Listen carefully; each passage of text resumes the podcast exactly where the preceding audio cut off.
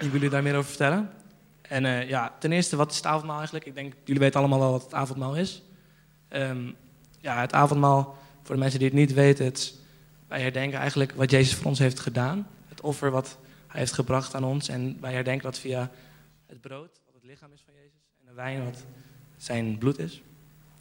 En ehm, Jezus die was met zijn discipelen, die was ehm, dus zeg maar de avond voordat hij werd gekruisigd, werd hij dus opgepakt. Alleen daarvoor vierden ze met z'n allen een, een Pesachmaaltijd.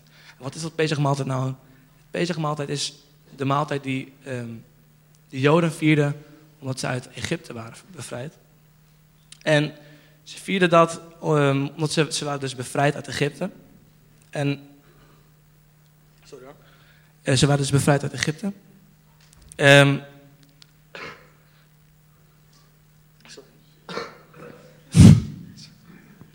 ze waren dus bevrijd uit Egypte. En um, nou, wat ze dus moesten, ze waren dus in Egypte en ze waren nou, eigenlijk een soort slaven van de Egyptenaren. Ze waren uh, gebonden aan de Egyptenaren, zoals, zoals in de Bijbel staat. En um, toen zei God tegen, uh, tegen de mensen, nou, van uh, jullie mogen gaan, zeg maar. Hij zei tegen Mozes van, haal de mensen uit Egypte. En de farao die, wou niet, die was niet laten gaan. Dus toen heeft de farao tien plagen gestuurd. en bij de laatste plaag toen zei, de, zei God tegen de Egyptenaren, um, slacht een lam en smeer het bloed tegen de deurpost aan. En als je dat doet, dan word je gered. En in die, op die avond werden allemaal Egypte, Egyptenaren, uh, de zonen werden gedood. De oudste zoon werd gedood. En toen liet de farao dus die mensen gaan.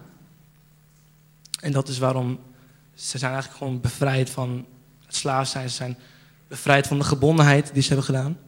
En waarom, waarom eten we eigenlijk brood zonder gist? Want bij het avondmaal eet je brood zonder gist. Nou, dat is omdat um, de Egyptenaren, nee, de Israëlieten hadden te weinig tijd om het brood te laten rijzen. Daarom aten ze brood zonder gist. En de wijn, ik heb echt geen idee waarom dat erbij zit. Maar uh, ja, gewoon lekker, denk ik. Um, maar ja, Jezus was dus bij, uh, met zijn discipelen bij het avondmaal. En ze waren lekker aan het praten, gewoon heerlijk. En toen uh, begon Jezus um, nou, te praten over zeg maar, dat hij het lam was. Zeg maar. Hij was het lam en hij ging de mensheid redden. En de discipelen snapten het niet. Maar wat Jezus eigenlijk deed, Jezus gaf een profetische, een profetische aankondiging van een toekomstige gebeurtenis en een toekomstige bevrijding. Jezus die gaf aan dat um, hij de redder was. Hij was het lam dat werd geslacht en wat onze zonde zou moesten redden. En het mooie is dat dat is eigenlijk de tweede keer dat het dus gebeurt. Want dat gebeurde eerder dus ook al bij de Egyptenaren. Toen moesten, toen ze dus ook een lam slachten. En toen werden ze ook gered. En nu weer met Jezus. Jezus was het lam. Jezus werd dus geslacht en aan het kruis gehangen. En hij heeft ons bevrijd van de gebondenheid aan de zonde. Want wij zijn als mens gebonden aan de zonde, maar door Jezus um, zijn we eigenlijk bevrijd. En kunnen wij, ja, kunnen wij bij God in de buurt komen, anders hadden we dat niet gekund.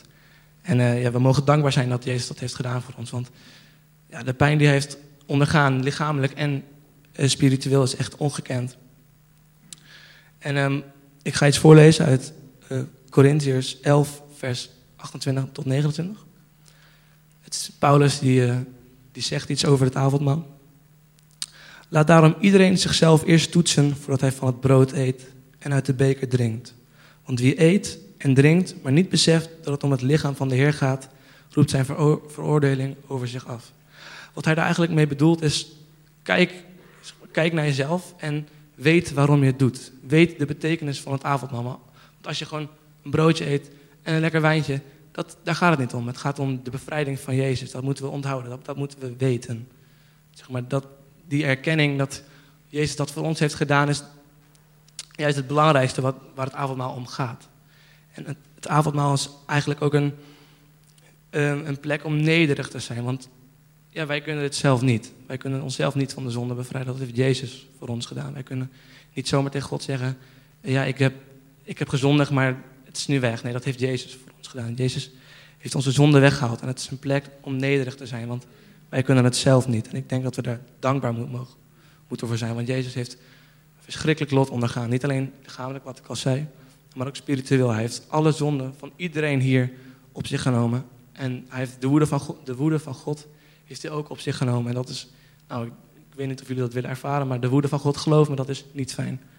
Dus, ehm, dus ja, hij heeft echt verschrikkelijke dingen gehad. En lichamelijk ook. Hij is geslagen met een zweep. Het, nou, het is ongekend. Wij, wij zouden niet eens kunnen beseffen wat hij heeft meegemaakt. Dus we mogen dankbaar zijn voor wat hij heeft gedaan. En ik vind dat we, mogen, we moeten niet uh, vieren het avondmaal elke, ma elke maand. Maar ja, eigenlijk moeten we elke dag Jezus eren voor wat hij heeft gedaan. We moeten elke dag Jezus erkenning geven voor wat hij heeft gedaan voor ons. Want zijn, zijn opoffering is zo groot. We kunnen hem nooit genoeg bedanken.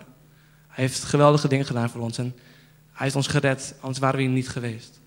Hij heeft prachtige dingen gedaan. En ik vind dat we hem moeten erkennen daarvoor. Ik vind dat we hem zijn, zijn plek moeten geven. Dat we moeten bedanken. Want hij heeft dingen gedaan voor ons die wij nooit, nooit, nooit zouden kunnen beseffen. Hij heeft, de woede van God op zich genomen. En hij heeft verschrikkelijke dingen meegemaakt. En ja, ik wil gewoon God daarom ook bedanken nu. Um, ja, voor mij gaat het avondmaal, voor mij is het avondmaal af en toe ook. Dan denk ik van, oh, ik ben in de kerk en dan, ja, dan besef ik niet wat het avondmaal eigenlijk inhoudt. Dan, dan ja, denk ik gewoon een broodje, weer wijn, zoals elke maand. Maar ja, dan, ja, dan, denk ik daarna van, wat heb ik nou eigenlijk gedaan?